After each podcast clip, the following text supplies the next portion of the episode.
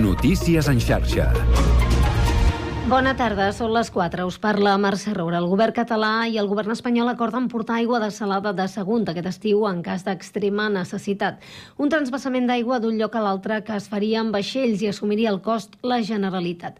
Aquesta mesura a curt termini s'afegeix a la construcció de les desaladores de Tordera 2 i la de Foix, que estarien llestes el 2028 i 29, respectivament. El conseller d'Acció Climàtica, David Mascor, però no descarta anar a buscar aigua a altres llocs. El més normal seria que si es dona el cas que necessitem això, nosaltres hàgim d'anar a buscar aigua a dos llocs i no a un.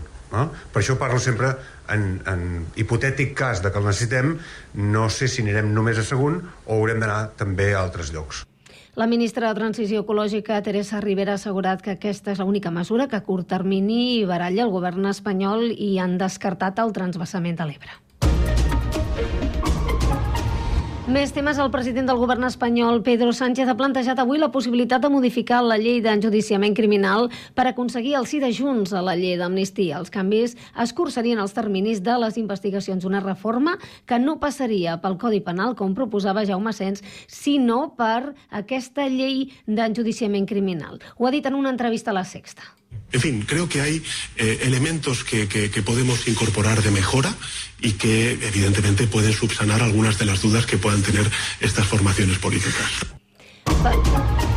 Per cert, que Esquerra ha dit que li semblaria bé tot, i, tot el que faciliti la llei d'amnistia el més aviat possible.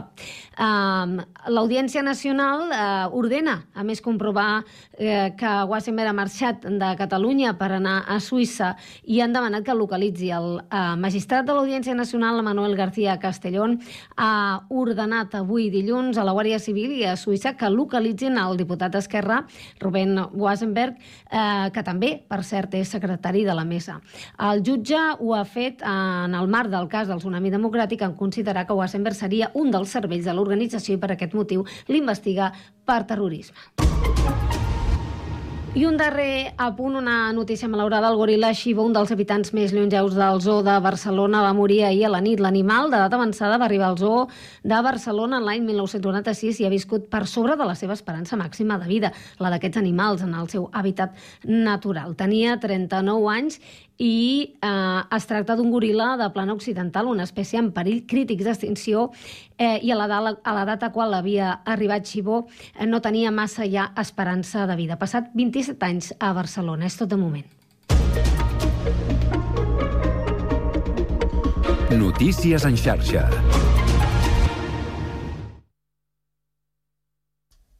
Quatre i tres minuts. Comença el Connectats.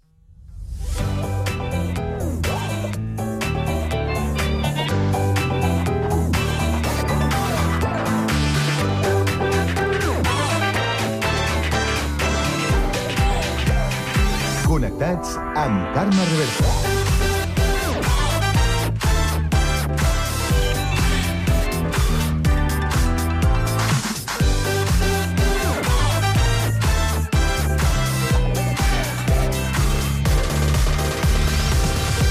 Molt bona tarda, salutacions i benvinguts una setmana més i una tarda més al magazín de tarda de la xarxa, el Connectats de l'àrea metropolitana de Barcelona, programa que fem i que sabeu, podeu seguir a través de Ràdio Sant Cugat, Ràdio Sabadell, la Municipal de Terrassa, el Prat Ràdio, Ràdio Ciutat de Badalona i Ràdio Castellà. Una salutació de tot l'equip conduït a la part tècnica per Pablo Palenzuela, Sami Hernández a la producció i d'aquí us parla Carme Reverte.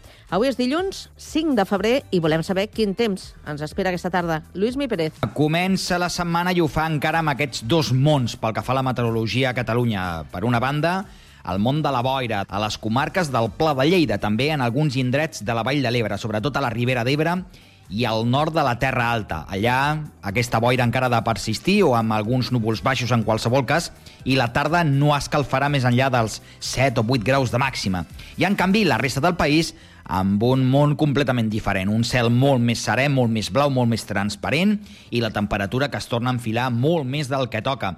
Temperatura de primavera. Aquesta tarda no arribarem als 25 graus o més que teníem ahir a Girona, però encara ens quedarem cap als 20-22 graus de màxima, pla durant la tarda i el vespre. Es formarà alguna boirina, alguna boira, també a la costa de la Selva o de l'Almaresme, i el dimarts tindrà molts més núvols. Per una banda, les boires de Lleida i per una altra, un cel força emblanquinat durant tota la jornada, que retallarà algun grau pel que fa a la temperatura. Us seguirem a la xarxa.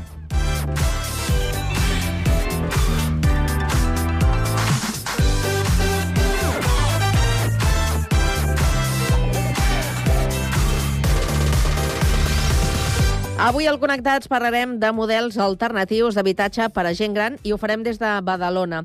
Entrevistarem Helena Aranyó, directora de Cugat Natura Apartaments. Acabarem aquesta primera hora amb la tertúlia esportiva per analitzar l'última jornada de la Lliga de Futbol.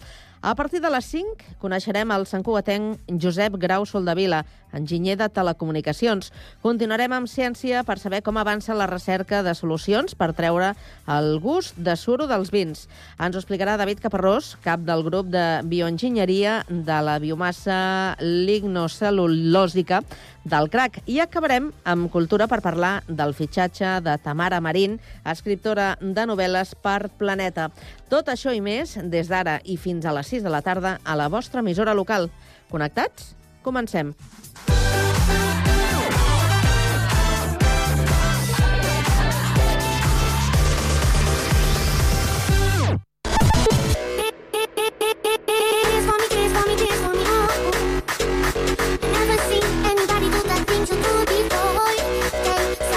Connectats, una experiència radiofònica a Sabadell, Terrassa, Sant Cugat, El Prat, Castellà i Badalona.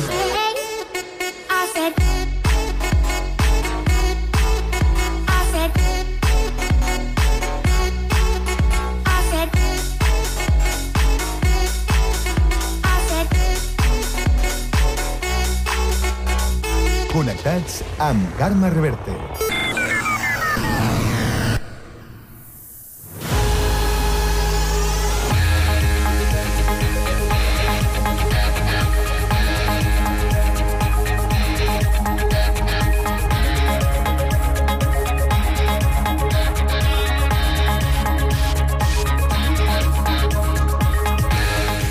4 i 7 minuts ens actualitzem, ho fem amb la ronda d'actualitat que obrim també avui per Terrassa.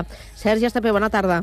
Bona tarda. La Policia Nacional ha detingut a Terrassa un fugitiu de la justícia acusat de cremar viva la seva dona en presència dels seus dos fills menors. En el marc de les investigacions per detectar processos de radicalització islamista, la policia va rebre informació d'un home estranger de 49 anys amagat a Catalunya que hauria matat a la seva parella sentimental, una dona de 35 anys. Quan el passat mes de desembre es va fer efectiva l'ordre de detenció i extradició, la policia el va detectar a Terrassa. La investigació va esbrinar que l'any 2017 l'home hauria matat la seva dona en el país d'origen, ruixant-la en dissolvent i cremant-la davant dels seus dos fills de 4 i 5 anys, ara en tractament psicològic. Una mort especialment cruel que, perquè va deixar el cos agonitzant fins que la seva família el va obligar a cercar un centre mèdic on ja no va poder fer res per salvar-li la vida. L'home es va amagar al seu país per evitar la detenció fins que va arribar en patera a Espanya, movent-se per diferents comunitats amb documentació falsa fins a establir-se a Catalunya. Finalment, la policia l'ha detingut a Terrassa i l'Audiència Nacional en va decretar l'ordre de presó sense fiança. Gràcies, Sergi. Ja ara arriba el moment de saber què és notícia avui a Sabadell. Pau Duran, bona tarda. Bona tarda. Aigües de Sabadell defensa que la ciutat està preparada per enfrontar-se a la sequera. En una entrevista al programa El Cafè de la Ràdio, Lluís Jordan, director general d'Aigües de Sabadell, ha afirmat que la ciutat s'estan fent les coses bé en termes de sequera. Un dels exemples d'aquesta bona execució és el sistema per detectar fuites d'aigua que la xarxa la tenim sectoritzada. Això vol dir que nosaltres tenim en temps real què consumeix cada barri, quasi podríem dir, no? Mm. més que barri, districte, potser, Sí, sí, per zones, de la no? ciutat, i per tant, si hi ha un consum anòmal, actuem al moment. Eh, no és algo que es quedi una fuita tirant, tirant, tirant. En aquest sentit, la ciutadania pot estar tranquil·la de que fem un bon, un bon ús de l'aigua. Jordan, a més, també ha felicitat a la ciutadania per les mesures d'autocontrol que estan prenent referent a l'aigua. Gràcies, Pau. Arribem al litoral i des de Badalona ens informa del més destacat d'aquesta jornada Andrea Romera. Bona tarda. Bona tarda, Carme. L'Agència Catalana de Residus assegura que Badalona ha d'aplicar un sistema d'alta eficiència per millorar el seu baix índex de recollida de residus. Una situació que esperen que reverteixi amb el nou contracte de neteja. Recorden que si el consistori badaloní ho necessita, disposa de suport tècnic, econòmic i polític per part de l'ens públic. Badalona fa anys que registra dades negatives de recollida selectiva. Es tracta del cinquè municipi de l'àrea metropolitana que menys recicla. Separen correctament menys del 29% dels residus. Des de l'Agència Catalana de Residus afirmen que, tot i que el sistema porta a porta és el que millor resultats té, és feina de cada municipi estudiar l'estratègia que més s'adapti al territori. D'aquesta forma, Isaac Paraire, director de l'Agència Catalana de Residus, valora positivament la implantació de contenidors intel·ligents a Badalona. L'escoltem. És imprescindible l'alta eficiència, que vol dir que es fa la separació ben feta de les fraccions de residus i que eh, individualitza el servei, que permet identificar l'usuari, que això després porta associat l'aplicació d'una taxa justa, que és que pugui diferenciar-se entre el veïnat que ho fa millor i el que no. Paraire reitera que l'Ajuntament de Badalona pot rebre assessorament per part de l'agència per implantar aquests sistemes d'alta eficiència en la recollida de residus. Gràcies, Andrea. Seguim al litoral i ara des del Prat de Llobregat ens informa Lluís Rodríguez. Bona tarda. Bona tarda. L'agermanament entre Garrovilles, el Conetar i el Prat de Llobregat s'ha reactivat aquest cap de setmana coincidint amb les festes de Sant Blas. L'acte institucional ha consistit en una visita a la localitat extremenya de l'alcalde Lluís Mijoler i diversos representants polítics del consistori. Durant el retrobament, tant l'alcalde del Prat com l'alcaldessa de Garrovilles, Elisabet Martín, han celebrat l'enfortiment d'aquest agermanament i han destacat els vincles entre els dos municipis. Es difícil entender la historia del Prat sin aquello que pasa y que tiene que ver con Garrovillas.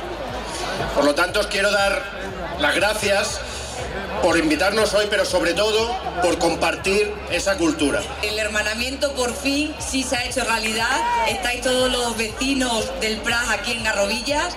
Un hermanamiento que comenzó en 1997 y hoy es verdad que es un honor tener la plaza llena del color, del color de nuestras serranías y además la ilusión de muchas garrovillanas que tuvieron que emigrar al Prat, pero hoy estan presentes. Aquesta visita institucional arriba després de la que va fer l'alcaldessa de Garrovilles al Prat al maig del 2023, quan es va inaugurar una escultura alegòrica de la plaça Major del municipi extremeny. En aquesta ocasió, diversos pretencs i pretenques amb arrels garrovillanes també s'han desplaçat aquest cap de setmana fins allà per gaudir dels diversos actes tradicionals com la passejada de dolços i les exhibicions de jotes i folclor extremenys. Gràcies, Lluís. I ara seguim de retorn al Vallès eh, per Castellà. Guillem Plans, bona tarda. Bona tarda. Castellà del Vallès s'acosta als 900 aturats. El municipi, amb 36 persones menys apuntades a les llistes del Servei d'Ocupació de Catalunya, lidera el rànquing de baixades de la comarca. Ha estat el municipi que ha tingut el descens més important en el nombre d'aturats durant el mes de gener i el còmput de persones sense feina és de 916, 36 menys que al desembre. Respecte al gener de l'any passat, la reducció de l'atur ha estat de 76 persones. La tendència a la reducció del nombre de persones sense feina també s'ha produït a Polinyà, Sant Manat, Sant Llorenç Savall, Viladecavalls, Castellbisbal i Montcada i Reixac, amb dues persones sense feina. Gràcies, Guillem. I ara és el torn eh, per tancar aquesta ronda d'actualitat de Sant Cugat eh, de la mà de Sami Fernández. Bona tarda, Sami. Bona tarda. La situació de sequera que viu el país ha activat l'emergència i aviat l'Ajuntament activarà mesures en aquest sentit. Els equipaments es- esportius s'hi veuran especialment afectats amb el tancament de dutxes, que fins la segona fase no afectaria els espais on es disputen competicions federades. Pel que fa a la gespa de camps de futbol, hockey, rugby i golf, es podran seguir regant, però amb aigua regenerada o freàtica. El membre de l'àrea de coneixement de Sant Cugat Creix, Xavi Cortés, ha defensat l'opció de regar en els terrenys de joc per evitar lesions. malgrat totes les gespes a hores d'ara són artificials, necessiten un mínim de rec, ja no tan sols pel seu manteniment, sinó perquè al darrere hi ha una qüestió molt important per nosaltres, que és previndre les lesions d'aquests nois, d'aquestes noies que es puguin estar utilitzant doncs, el camp de gespa del rugby, que és d'una tipologia, o el camp del gespa del júnior, o del camp de futbol del júnior, que seria també una altra tipologia de gespa. Un dels grans consumidors més conegut al municipi és Golf Sant Cugat. Per norma general, els camps de golf haurien d'utilitzar un sistema de rec amb aigua regenerada, però l'entitat Sant Cugatenca té una concessió temporal d'aigües subterrànies que li permet accedir a 5 pous i a una mina per poder extreure 90.000 metres cúbics per regar les 34 hectàrees que conformen el camp de golf. Des d'abans de l'estiu passat, però, el club ha reduït al voltant del 85% el consum d'aigua per la situació de sequera. Per encarar els mesos de més calor, el Golf Sant Cugat està emmagatzemant el màxim possible d'aigua freàtica per poder regar els greens, que representen entre un 5 i un 8% dels terrenys. Escoltem a Josep Torres, president del club. i el que fem és tota l'aigua freàtica que podem emmagatzemar, és el que tenim com a, com a criteri per continuar de tal manera quan torni a venir la calorada, doncs tinguem l'estoc necessari el que seria per cuidar la part més sensible del que és el camp de golf, que són els greens, eh, que ve a ser un, entre un 5 i un 8% de la nostra, dels nostres terrenys, que és l'únic que necessitem salvar, perquè si es cremen és una pèrdua econòmica enorme i és el que necessitem salvar. Tot l'altre doncs, no regarà, Com a la resta de clubs, a partir de la segona fase d'emergència, els socis del Golf Sant Cugat no podran fer servir les dutxes.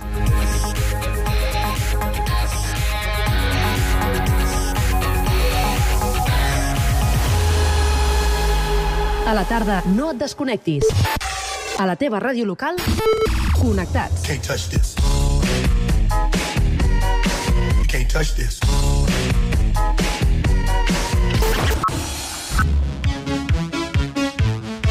Can't touch this. Can't touch this. Connectats amb Carme Rebell.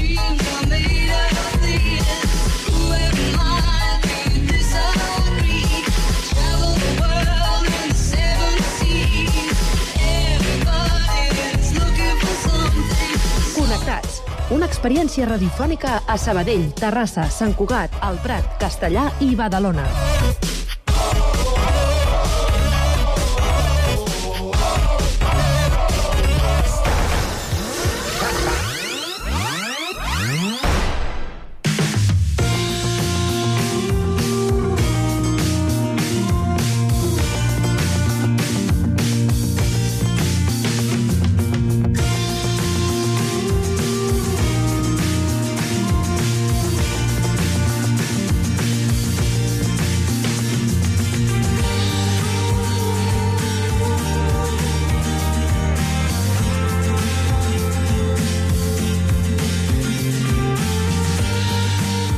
Algunes eh, persones tenen clar que no volen dependre de familiars ni viure en una residència per a gent gran. Per això, en els darrers anys s'han potenciat eh, models d'habitatge innovadors per a persones de la tercera edat que fomenten una forma de vida alternativa.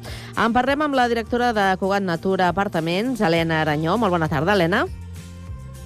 Hola, bona tarda. I també saludem a la nostra companya Andrea Romera, que es troba als estudis de Ràdio Ciutat de Badalona. Bona tarda, Andrea. Bona tarda. Bé, doncs, eh, com estàvem comentant, Helena, van sorgint nous models d'habitatge per a gent gran, com el co-living, el co-housing, eh, apartaments que, que també presten altres serveis.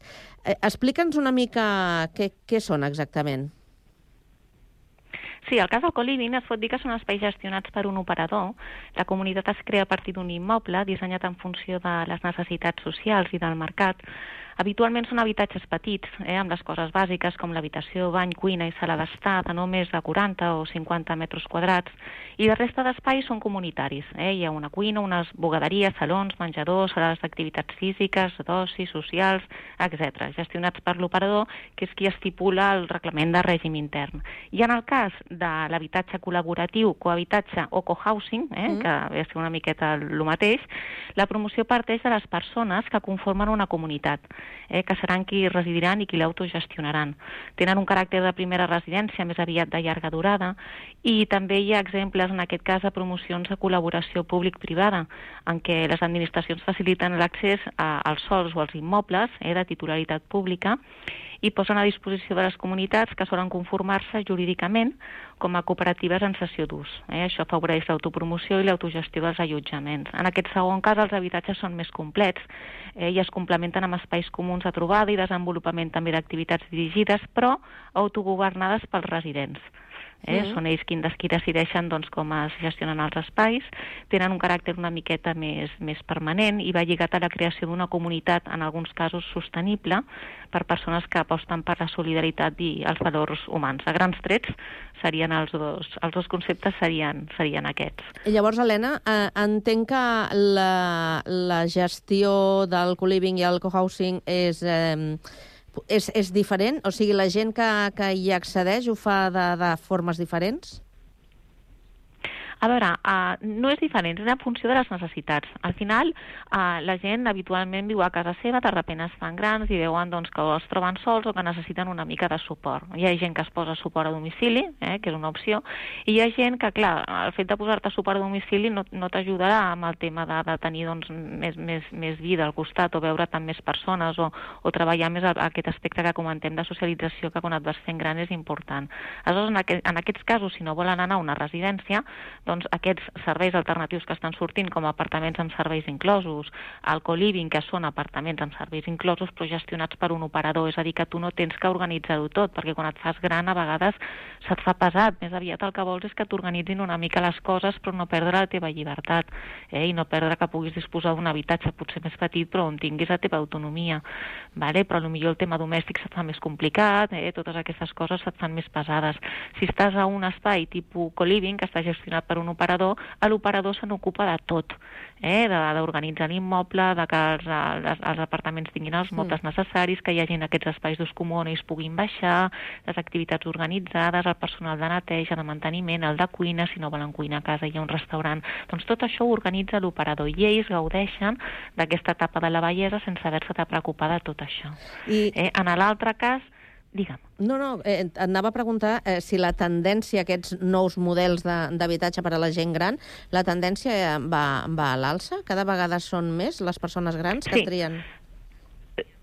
Sí, jo crec que la tendència va a l'alça perquè al final és el que dèiem, no? Si tu et vas fent gran i estàs a casa i et vas quedant sol, perquè abans les famílies eren diferents, és a dir, fa molts anys doncs les famílies cuidaven dels grans perquè les dones moltes no treballaven i estaven a casa, eh? i a més la gent no se n'anava a treballar tan lluny com se'n van ara, i aleshores les famílies es podien cuidar més dels seus grans. Però ara, en el món en el que vivim i la tendència cada vegada és més aquesta, doncs les dones treballen pràcticament totes i, i moltes famílies doncs, se'n van a treballar, els, els nets i els fills se'n van a treballar fora, amb la qual i la gent gran viu més temps. Eh? Mm. O sigui que es queden més sols més anys. Clar. I, i, I en aquests casos, clar, encara que tu potser estiguis bé per viure a casa, però se't comenci a fer una mica pesat tot, tot el que és doncs, fer el menjar o, o, o, en fi, el que pugui ser, tot això, a part et vas quedant sol. I el tema de la soledat no desitjada, que és una de les coses que cada vegada doncs, se'n parla més, perquè arrel de la Covid, que va ser imposada ara, doncs, doncs ha posat en evidència que molta gent gran viu molt sola. I al final, a més, té un impacte mm, psicoafectiu molt important estar sol, perquè realment et vas, mm, bueno, et vas aïllant de tot plegat, vas perdent les ganes de viure i estàs sol. Aleshores, poder anar a un espai on tu tens una mica d'ajuda en tots els sentits i pots gaudir de la companyia de persones de la teva edat i fer activitats organitzades per l'espai, doncs clar, a tu aquests últims anys de la teva vida, que cada vegada són més, doncs els vius d'una altra manera, amb una Sí, altra sí. llum. Sí. I per això és un Ai, perdona, recurs... perdona, que- perdona. Sí. És que li, li No, no, per, dic, dic que per això és un recurs que cada vegada això que em preguntava, si creiem que cada vegada aniran més Sí. a l'alça, aniran més a l'alça, sí, sí, per aquest motiu. Mm. Helena, jo et volia preguntar per l'autonomia de les persones que opten per aquest model d'habitatge. Perquè, clar, sí que és cert que tenen unes necessitats cobertes, però al final tenen els seus, com les seves casetes, no? deies, els seus habitatges propis, i ells poden decidir si, si fan servei d'aquests serveis o si, pel contrari, no ho fan. Aleshores, fins a quin punt el grau de dependència de les persones grans és un condicionant per optar per aquest tipus d'habitatge? A veure, habitualment en aquests habitatges les persones que venen a viure tenen que tenir autonomia per poder-se valdre's per si mateixa, perquè no són ni residències, ni hospitals, ni centres sociosanitaris, eh, ni espais on tu tinguis més suport. Què passa? Que quan una persona es fa gran, clar, l'autonomia la vas perdent progressivament. Pots arribar molt, molt gran encara mantenint-te autònom, però anant més lent amb tot plegat, eh? o, o pots, mm, pot arribar un moment en el que no tinguis autonomia. Ah, clar, en aquests casos, habitualment, si és un co-living, moltes vegades doncs, hi ha aquests serveis que dèiem de suport més aviat domèstic, estan adaptats als espais, que això a casa també és, és, és un inconvenient, perquè si tu no tens el pis adaptat pots caure, poden passar coses que en un espai com aquest ja no et passaran. Vale? Però el tema de l'autonomia és important que la, que la tinguis, encara eh, que va- vagis fent gran i cada vegada vagis més lent fent les coses. En el moment que es presenta una pèrdua d'autonomia per un deteriorament físic o cognitiu, vale, molts d'aquests espais no estan del tot configurats per això. Sobretot els que estan gestionats per un operador. Aleshores, molts dels operadors el que fan és que al costat dels apartaments, nosaltres ho tenim així, tens una residència. Perquè d'aquesta manera tu pots oferir un itinerari de bellesa a una persona que es va fent gran. Que ve viure als apartaments i aquesta persona, encara que es va fent gran, pot acabar la seva vida als apartaments perquè encara que més gent pot anar fent, fantàstic. Que arriba un moment que l'apartament ja no es pot valdre per si mateix perquè bueno, ja no té capacitat de vestir-se, dutxar-se, es desorienta, no es pren la medicació, mm, eh, perquè s'està fent molt gran i està perdent una mica, doncs en aquest cas tu els hi pots oferir l'opció de la residència que està al costat i que és molt amable perquè ja coneixen a part del professional perquè els veuen, perquè un edifici està al costat de l'altre, companys seus dels apartaments també alguns van cap allà, amb la qual van junts, eh, i, i és com un itinerari més amable, eh, com si diguéssim. I en els models altres, amb els models eh, cohousing, clar, com que són la mateixa comunitat d'amics, el que sigui, que s'organitzen tot plegat, clar, ells si es posen més suport, més enfermera, més metge, més el que sigui, el millor sí que poden acabar vivint molts més anys allà, però clar, sempre s'ho hauran d'organitzar i coordinar tot entre ells. Els que es vagin fer més grans ja no es podran ocupar. Si no va entrant gent amb més ganes o amb més força, doncs, doncs clar, mm, és un altre model. Eh, ells ho fan a la seva manera. Nosaltres, en el nostre cas, ho fem doncs, tot organitzat. Ara que comentaves... No sé si m'he explicat. Sí, t'has explicat perfectament. Ara que comentaves el tema de l'itinerari, que em sembla una proposta molt interessant, podem entendre aleshores que és més una qüestió d'autonomia que d'edat, no?, el tema d'optar per aquest tipus d'habitatge. Exacte, exacte, ho has dit, exactament és així. Nosaltres, a veure, aquí venen a viure persones a partir de 65, perquè clar, és que abans no, però ara una persona de 60 és una persona jove encara. Estan treballant, 65 encara, eh, però clar, al final és el que dèiem, no? La gent es fa gran, mm, com, més gran, com si diguéssim, no, abans, no com abans que era abans. Aleshores, jo, per exemple, nosaltres aquí el promigi d'edat que tenim ara mateix és uns 80 anys i va pujant. Eh, però clar, la gent de 65, 70, a no ser que estiguin sols i busquin aquesta mm, companyia, aquest espai una mica més, eh, doncs alguns segueixen a casa fent un munt d'activitats. Jo aquí tinc gent de 90 llargs que encara doncs, bueno, estan amb autonomia i poden viure aquí. En canvi, a vegades hi ha exemples de persones més joves que venen i pel motiu que sigui doncs, doncs tenen pèrdua d'autonomia i no poden i no poden seguir doncs, en un espai com aquest. Eh, vull dir que és exactament el que has dit, no és qüestió d'edat, sinó de com, de com estàs. En el teu cas, Helena, que treballes de primera mà amb aquestes persones, quin valor afegit diries que aporten aquests models d'habitatge per a les persones que hi viuen? Ah, però jo penso que el valor afegit és uh, no tenir-te que ocupar tots els aspectes domèstics, que a casa això quan et fas gran és pesat, si tens personal de suport a vegades, doncs ara estan de vacances, ara no, ara se'n van, ara eh, aquest és un punt. Un altre punt és la inseguretat que tenen persones que viuen a casa seva pel tema de les barreres arquitectòniques o perquè algú li han entrat eh, o agafen por per algun motiu. Vale? Aquí doncs, es troben més segurs perquè sempre hi ha algú, perquè hi ha, hi ha molt veï molts veïns que viuen junts, hi ha aquests espais, el personal eh, que, que està treballant, consergeria, neteja, vull dir, sempre hi ha algú a l'altra banda, com si diguéssim. Eh? Això és important també. Un altre valor afegit és que eh, si tu vols companyia, la tens. Si tu vols socialització, la tens. Si tu no la vols, no tens per què baixar als espais d'ús comú o no tens per què eh, anar a, a, a, les, a les activitats organitzades. Aleshores, tu escolleixes fins a quin punt et vols relacionar i quan i com et vols relacionar. És a dir, tu tens el millor dels dos llocs perquè tens l'autonomia de viure a casa teva, la teva casa decorada, si vols, amb els teus mobles, perquè són els nostres apartaments, però ells es fan casa seva dins de casa nostra, es porten els seus mobles, es porten... Eh, I aleshores estan com a casa seva. Vale? Poden sortir i entrar quan vulguin, és a dir, és com si visquessin a casa seva, però amb tot això que us comento, no? El suport domèstic, si et vas cansant de cuinar, a vegades la gent gran no s'alimenta prou bé perquè es van fent grans i els hi costa fer-se la, la, la, la, crema de verdures o, o la carn o el peix, eh, perquè es van fent grans i cada vegada, doncs, va, amb això ja passo, amb això ja passo i al final, doncs, potser no estan ben alimentats. Eh? I aquí la cuina ofereix una cuina molt casolana, molt senzilla, però, però uns àpats complets perquè ells, si no volen cuinar, doncs, doncs assegurem que estan ben alimentats resultats. Eh? És a dir, que tens una, una mica el millor dels dos, dels dos llocs, jo crec. Pel que fa a l'oci, Helena, parlàvem d'aquests tallers i aquestes activitats. Ens podries posar algun exemple per entendre una mica millor com funciona? Sí, als d'ús comú nosaltres tenim, per exemple, un cinema, eh, que cada, cada, cada setmana pues, hi ha programació de cinema, cada mes ells trien les pel·lícules que els agraden. Nosaltres intentem fer-los participar molt de lo que són les activitats, perquè no ens costa res i al final són ells els que hi aniran. Vull dir que en aquest sentit doncs, intentem que participin. Després tenim acord amb una empresa d'aquí de Sant Cugat, l'Ateneu, que es dedica a fer tallers, i sí que es dediquen, i tenen un ventall impressionant. Aleshores, un cop a l'any venen a veure'ls eh, i els expliquen tot el que fan i ells decideixen doncs, què és el que els agrada i en funció de les seves afinitats afinitats es programen els tallers de tot l'any. I es fa de tot. O sigui, hi ha gent que li agrada el taller de conversa de francès, d'altre els gastronòmics, d'altre els d'història de l'art, d'altre, i aleshores en funció del que ells els agraden, doncs es dissenyen aquests tallers que, que es fan aquí doncs, periòdicament. Una altra activitat que també es fa és que s'organitzen activitats obertes als públics de Sant Cugat, perquè també la gent gran del, del, del nostre entorn, si volen, doncs puguin venir a gaudir dels nostres espais. Tenim un espai d'art, eh, que sempre prioritzem la gent gran que encara pinta i que moltes vegades a, a les sales d'art hi deixen exposar. Doncs aquí, si volen i pinten, doncs poden venir i de tant en tant fan exposicions persones grans que no tenen per què viure aquí, eh, però que són de la nostra, bueno, de la nostra proximitat. També s'organitzen concerts de, de, bueno, de tot tipus, perquè a la gent gran li agrada molt la música. I aquests els fem en col·laboració amb entitats també de proximitat.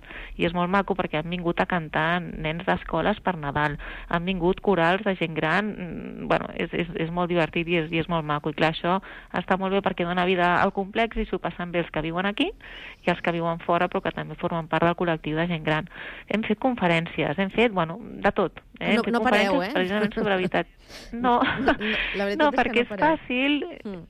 és fàcil, és maco, i al final aquests espais el que està molt bé és que estiguin vius estiguin vius, tinguin llum, que jo dic, eh? tinguin llum i ells trobin una mica aquest caliu. Mira, el més maco que he sentit jo dir aquí als apartaments són persones que venen i et diuen que mai haguessin imaginat que aquesta, aquest, en aquest moment, en, aquest, en aquesta etapa de la seva vida, farien noves amistats. I això és molt maco, és, és molt maco de veure, Mhm. perquè I- al final són gent que venen de casa a restar doncs, molts, molt sols. I, Helena, tenint en compte tot això, això que has dit, per exemple, de lo agraïda no?, que es mostra la gent, totes les activitats, tots els serveis que s'ofereixen i els canvis de, en les necessitats de la societat, que els comentàvem abans, tenint en compte tot això, aquest, aquest context, quin creus que serà el futur de les residències convencionals?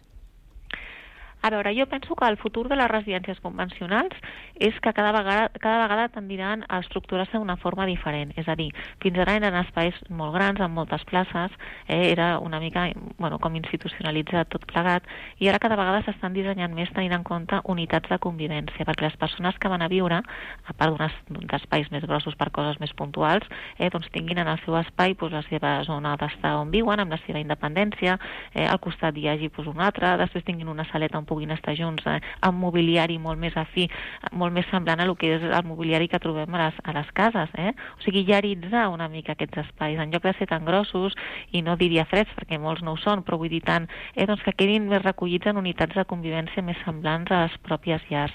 Que els mobles, en lloc de ser tan moble de geriàtric, doncs es vagin sent mobles doncs, també més adaptats a, a, a les noves necessitats i a aquests ambients més, més amables, més càlids, amb textures més suaus, eh, molt més ergonòmics, còmodes per la gent gran. Nosaltres precisament hem treballat amb una empresa de disseny de mobles, hem treballat una col·lecció de mobiliari per gent gran consultant amb els nostres avis com estaven més còmodes, que no caiguin les coses, que es puguin recollir les molles, que estiguin còmodes, que les textures siguin agradables, i hem dissenyat una col·lecció perquè siguin els espais molt més amables. Vull dir que jo crec que tots anirem una mica en aquesta direcció, de canviar una mica la imatge d'aquests espais, perquè al final una persona gran que precisa suport perquè és dependent eh, sempre necessitarà un espai d'acollida amb molts més professionals dels que pugui tenir a casa.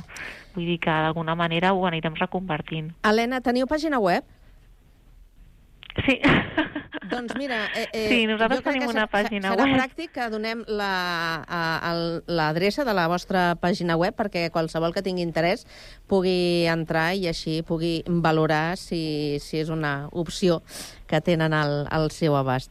Ho dic perquè és que no ens queda més temps i hem de deixar aquí la, Sí, sí, la, doncs- la conversa. Digues quina és la pàgina Mhm. web.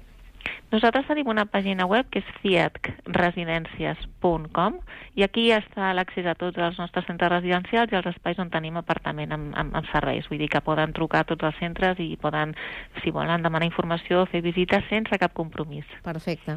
Helena Aranyó, directora de Cugat Natura Apartaments, moltíssimes gràcies per passar pel Connectats. Que vagi molt bé. Gràcies a vosaltres. Adéu-siau. Adéu, Andrea, bona tarda. Bona tarda.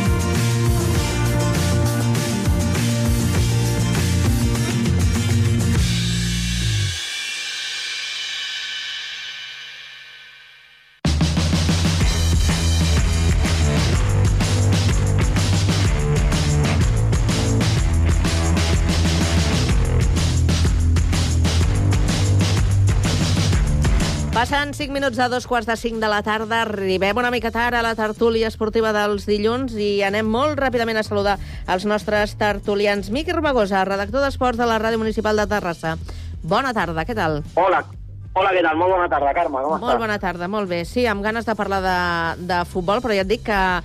Uf, quin cap de setmana. Raül Chao, periodista des de Sabadell. Què tal? Bona tarda, Raül. Hola, com anem? Bona tarda des de Sabadell. Traiem fum. César Martínez, Bona periodista. Què tal? Bona tarda. Bona tarda, Carme. Molt bé. De veritat que a un se li treuen les ganes, eh?, quan veuen les coses que passen en segons quins partits. Perquè és que, la veritat, em, jo, si hagués estat a Montilivi, què, què, què cantaven a Montilivi l'altre dia?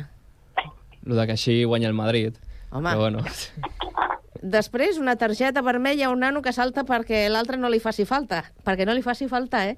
I li treu una targeta vermella i l'expulsen.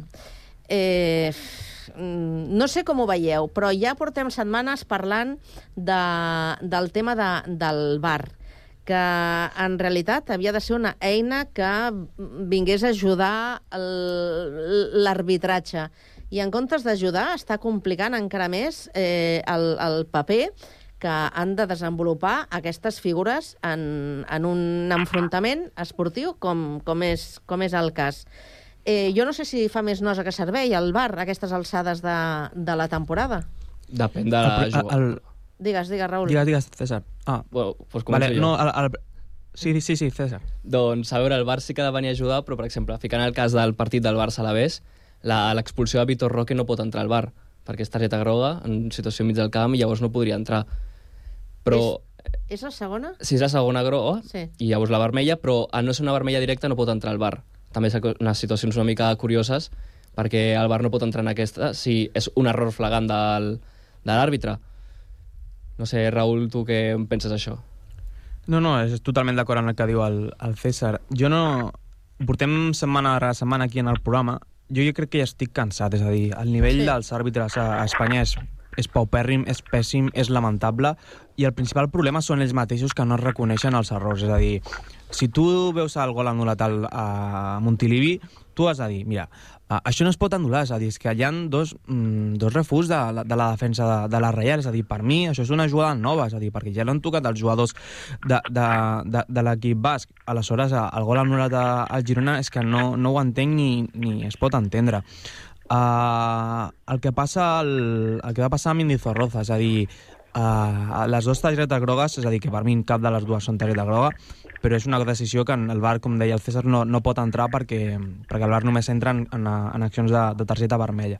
Que això també hauria de ser un, una altra acció és que a- potser a, hauríem parlar. de a canviar dir, una mica el reglament, no?, de- Sí, clar, d'utilització és a del bar. per mi, per mi hauria de ser només per fora de jocs i després, com al bàsquet, que cada equip tingui un o dos challenge perquè envien a l'àrbitre a, a mirar l'acció, perquè és que si no, si no, no saps ja ni qui és mà ni què no, perquè, per exemple, al, a Mendizorroz mateix hi ha una mà de, de Cancelo que és a dir, per mi va ser una de les mans més clares, i després la de al Girona, que li, que li envien fora de la Copa del Rei contra el Mallorca, que li xiulen i el pobre nano, del, que li van pitar el, el nano del, del filial, que la més pagada no la podia tenir. Aleshores, o pitem totes les mans o no les pitem, perquè no pot ser que un criteri sigui un, un altre dia un criteri l'altre, perquè així acabarem tots malament. I, el que, i allà al Bernabéu, més del mateix, és a dir, per què? És a dir, que, què, què és penal, què no és penal, què és fora de joc, què no és fora de joc. És a dir, mm, ens tornaran bojos segur. I després, eh, que després ens tornin a dir que tots els equips són iguals, és a dir, hi han dos equips que juguen una altra lliga. Mm. Però és a dir, que tu diguis la lliga adulterada, que diguis eh, no sé què, no sé quan, i no et sancionin, el, a, a David López, el pobre David López, li han fet quatre partits, li han fet quatre partits per fer una, una, una opinió d'un àrbitre. Ha Quatre partits. Al, al cap de turc. Sí, sí. Home, si, Per- si, si el Mitchell diu lliga adulterada, estaria sancionat. Si l'entrenador del València diu lliga adulterada, estaria sancionat. Si l'Espanyol a l'Espanyol Mèdia eh, posés vídeos dels àrbitres criticant, l'Espanyol seria sancionat. Crec que tothom sap, sabem la resposta. Per què el Madrid i el Barça no, no el sancionen? Mm. Uh, mm, jo no sé, però uh, amb l'arribada de, del bar hi ha més àrbitres que mai. I en canvi hi ha més problemes que mai. Sí. Com ho fem, això? O, o, o, o reformulen la, la, la, la utilització del bar i aclareixen ben bé per què serveix, que s'aclareixin, perquè si no, és que no, Carme. no serveix per res. Tu, Digues. tu veus a, a, la, a la Champions, tu veus a una, tants problemes com a la Lliga, és a dir, a la Champions hi ha un problema cada no sé quants partits, o a un Mundial o una Eurocopa, hem vist tants problemes, és a dir, Però és llavors, que no Raül- recordo tants. Raül, m'estàs dient que els àrbitres espanyols eh, no, no estan a l'alçada o tenen eh, eh, colors, porten samarretes o tenen No estan a preferències l'alçada. o... No estan a l'alçada, no tenen el nivell. És a dir, no tenen el nivell perquè no pot ser que un dia una cosa sigui blanc, l'altre dia és negre. Però és no- dir, o és blanc o és negre. A Miqui, Miqui, que hi ets? Sí, sí, soc, hi soc. Va. Uh, jo, jo una de les coses que, que després de tot el temps que portem parlant del bar i, i, i comentant a tot el que passa, uh, encara és que a l'afició i, i jo crec que ni als propis àrbitres els ha quedat clar quin és el protocol del bar. Perquè en principi es va explicar que el bar uh, servia per una sèrie de coses, no? Per eh, corregir una jugada, per corregir una targeta que no era, per entrar en accions de... O sigui, en una sèrie d'accions. Ara mateix, o sigui, sembla que fins i tot els partits s'han de rebobinar eh, 20 segons, quan a lo millor la pilota ha marxat a córner, s'ha d'analitzar una jugada que havia començat a l'altre camp fa 20 segons. Sí, sí. Clar, llavors jo crec que el que no està clar són els criteris del VAR. No. Primer punt.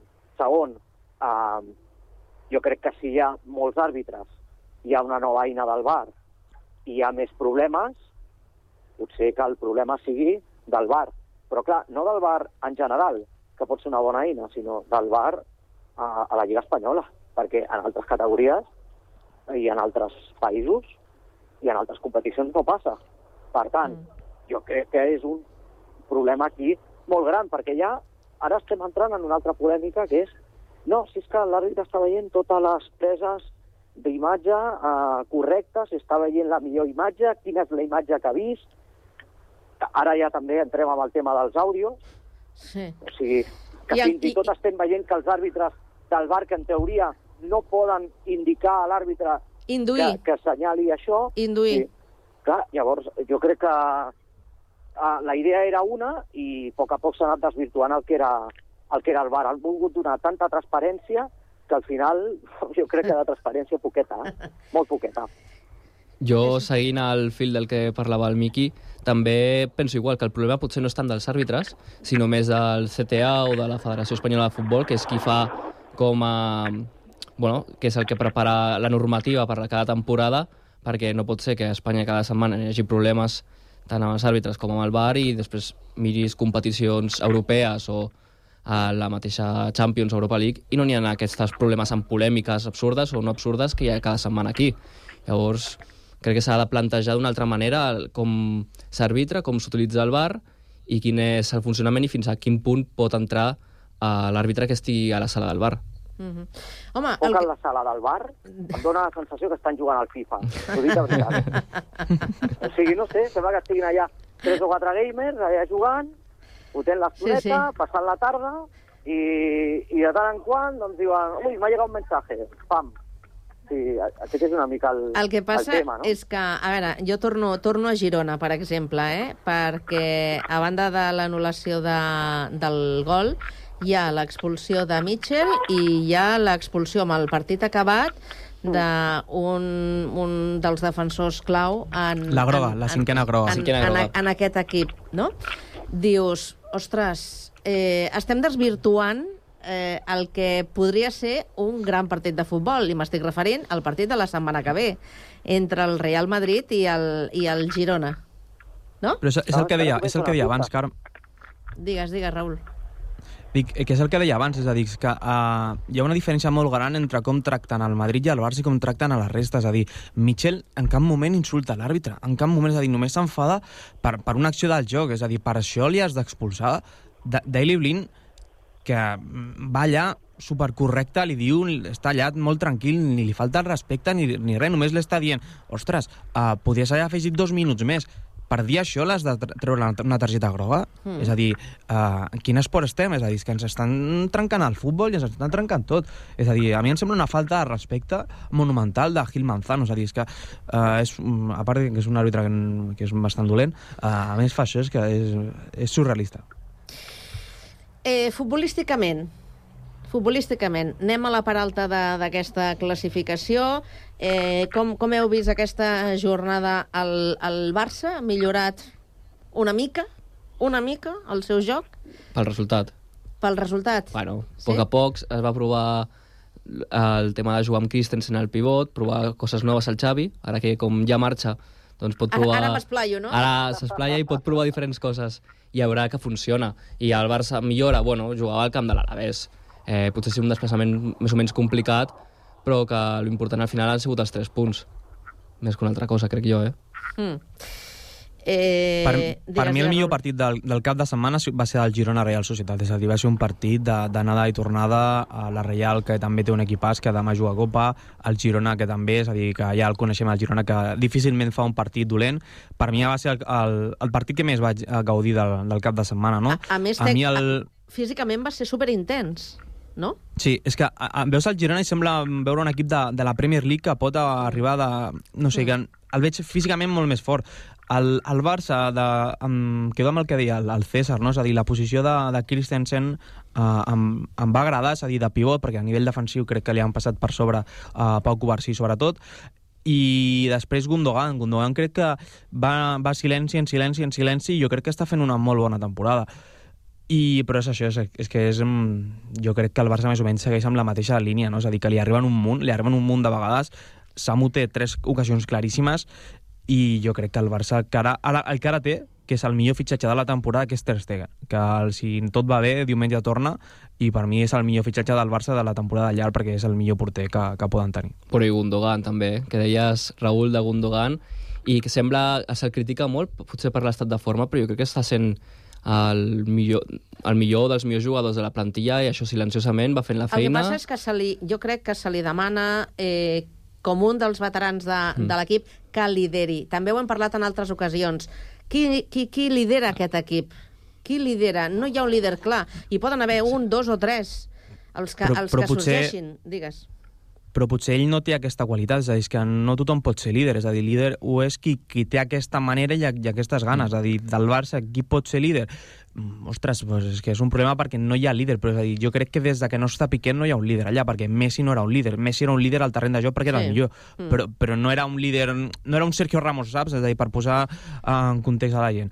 Aleshores, eh, això és difícil. A veure, a veure qui va sortint. Avui estan sortint a, la, a les notícies que, que Sergi Roberto el més probable és que no, que no continuï, així que l'any que ve tindrem, el Barça tindrà un, un nou capità. Veurem si és Araujo, veurem si és, si és Ter Stegen, que jo crec que aquests dos són els que haurien de fer un pas endavant en aquest tema. Bueno, Ter Stegen sempre, quan ara té la capitania, sempre ha fet un pas endavant al camp. Mm. S'ha demostrat, el problema que com ara estava amb la lesió, potser se'l troba a faltar, no només per les parades, sinó per aquest lideratge des de darrere. I escolteu una cosa, se li escaparà aquesta lliga al Madrid? Visto lo visto i dicho lo dicho?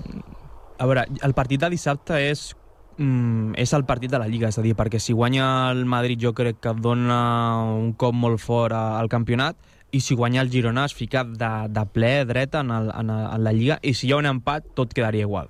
Així que, però jo continuo dient que per mi és una lliga, a no ser que el, que el Madrid guanyi el Girona i que allà doncs, sigui un cop fort, jo crec que és una lliga de dos, és a dir, jo veig el Madrid i el Girona un pas per endavant de, de la resta.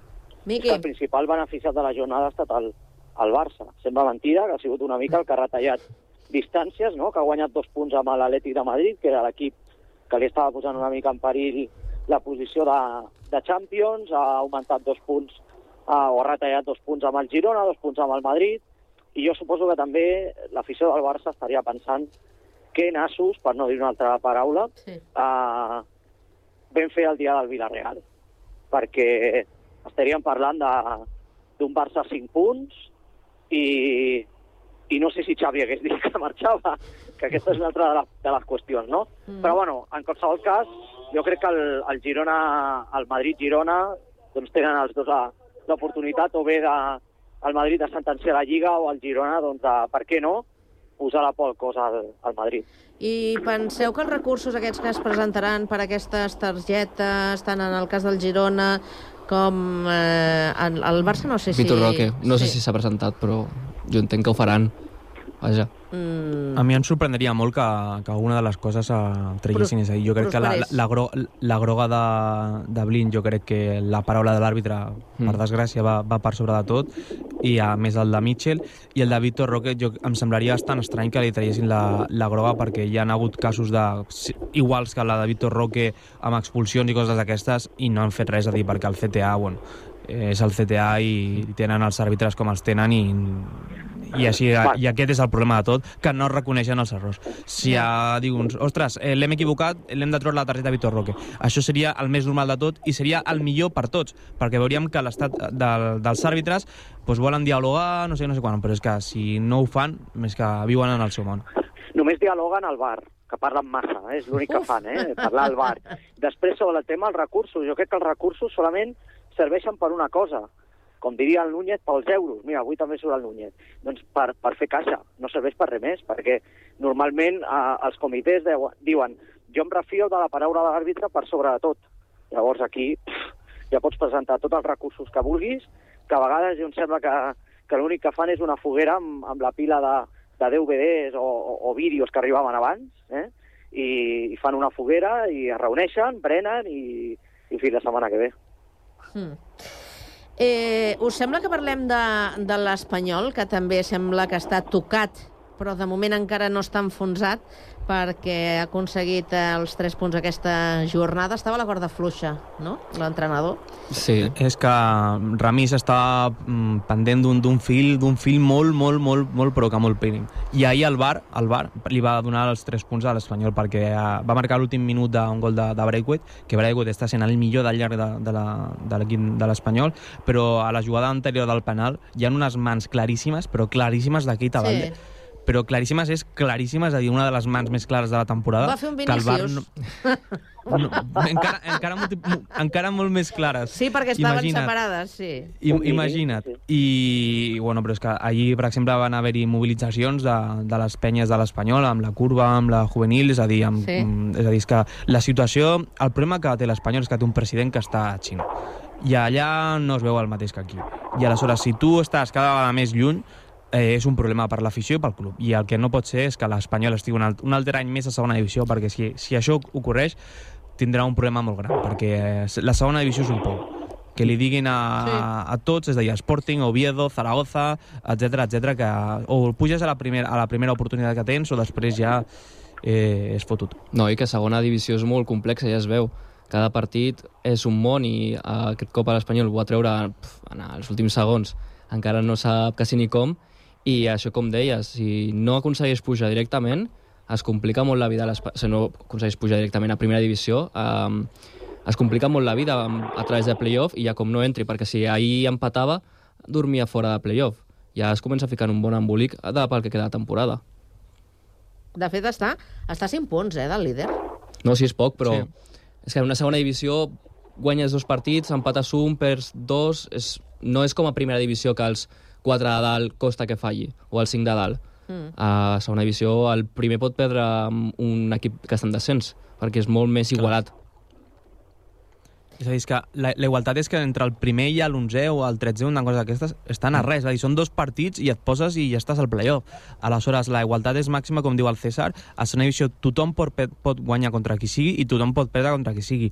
Aleshores, és molt important ser les, din les dinàmiques, no? És a dir, el Leganés, el Leganés fa quatre dies mm, portava una dinàmica no, no massa bona, no? I encara segueix primer. Això per, això per què? Perquè a l'Espanyol li costa molt guanyar fora de casa, li costa moltíssim. I si tu vols ser el primer o segon, has de guanyar fora de casa també, i a mi intentar jugar millor, perquè el que no pot ser és que l'Espanyol ahir, és a dir, és que li va aparèixer la, la verge, és a dir, la, perquè és que va jugar molt malament. I aquestes pancartes eh, dient-li al senyor Cheng que se'n vagi a, a casa, és que a més van anar al- fins Bueno. al consulat, no? Bueno, és com el del València amb Peter Lim, o el del Màlaga amb el Jeque, o el de, no sé, més clubs que n'hi ha. És complicat. Al final ells tenen la propietat del club, i si no volen marxar poden estar molt lluny. I li Ja, però poden i- criticar molt des d'aquí. Però quants beneficis té un club com l'Espanyol? Depèn. Per la segona... El Chen no es dedica a l'Espanyol, tindrà altres empreses. Ja, I amb això genera el negoci. Però encara que tinguis moltes empreses, si tens una que falla, pues, eh, millor te la treus de sobre, no? O com ja, va però la el cosa? futbol, el futbol no treu beneficis. Això ho va dir un dia el president de l'Atlético de Madrid. Futbol no dona beneficis per qui presideix. Bueno, depèn de, de qui El, gestioni, el, no? el, pro, el, el Ai. problema, Carme, Eh. és que si n'ha posat molts diners a l'Espanyol. Aleshores, si ell vol vendre, haurà de vendre una quantitat possiblement impossible per una persona normal i corrent. Aleshores, aquí està el problema de tot. Que, eh, a més, que ell el que hauria de fer és venir una vegada cada dos mesos o tres, venir a Barcelona. Això seria el millor per ell, per veure in situ tot com està tot, perquè si tu li expliques via telèfon o encara que sigui d'una altra manera, la informació no arriba de la mateixa manera. I, jo cre I aquí és on està el problema. Mm. Jo vaig estar ahir, a, mira, us sorprendré, vaig estar ahir al, Cu- a Cornellà Prat, perquè em van convidar uns amics a anar al, al partit, i una de les pancartes que em va agradar, i a més estava molt a prop meva, és nos prometisteis un sueño y solo nos habéis dado pesadillas. Eh? Havia una... Home, jo recordo, recordo que prometien arribar a la Champions en no sé quant de temps, no? Bueno, van entrar a Europa League. Correcte. Mig somni. No és el mateix. Ja no és el mateix, però... Sí. I l'ambient va ser una mica estrany perquè jo veig molt bé que la gent es manifesti abans i després d'un partit, però durant un partit, quan a l'Espanyol anava guanyant 1 a 0, la gent xiulant, cantant, i, i, i, i fins i tot, clar, jo pensava, dic, ostres, quan marquin l'empat, dic, haurem de sortir corrents de Cornellà, o sigui, clar, però, però la veritat és que, no, no sé, uh, a més, l'acció, jo crec que és normal que Calleja, l'entrada del Levante, estigui enfadat, eh, perquè, perquè Déu-n'hi-do, també van tenir oportunitats molt clares al Levante per emportar-se al partit, perquè l'Espanyol va marcar l'1-0 i pràcticament jo crec que es va contagiar del, de l'ambient, eh? i mira que va marcar aviat. Dóna la sensació tot plegat que hi ha un desgovern a Camp Perico que n- no ho saben ben bé. Senyors, gràcies per l'estona de conversa, que tingueu molt bona setmana. Ens tornem a trobar la setmana que ve. D'acord? D'acord, que vagi bé, bona gràcies. setmana a tots i totes. Adéu-siau. Moltes gràcies.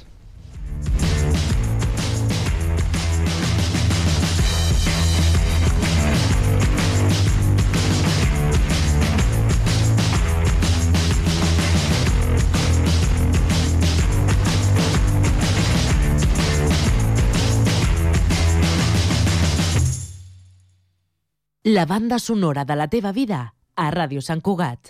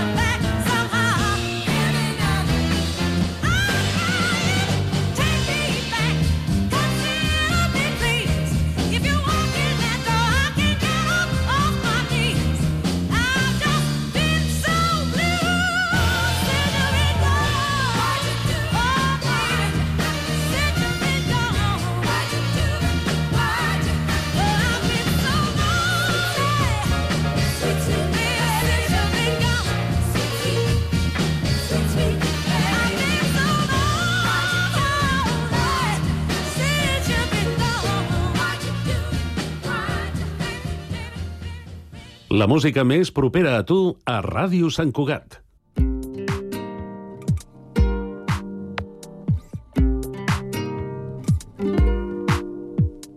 Visc que la terra és plana, que hi ha murons que no són rodons, que hi ha viatges sense tornada i trens que no tenen parada, que les escales només pugen i els llençols només s'abaixen, encara que també s'enganxen, cal fer front a la conjuntura, anant a missa o costura, que tot això s'està perdent, igual que la democràcia, que s'ha quedat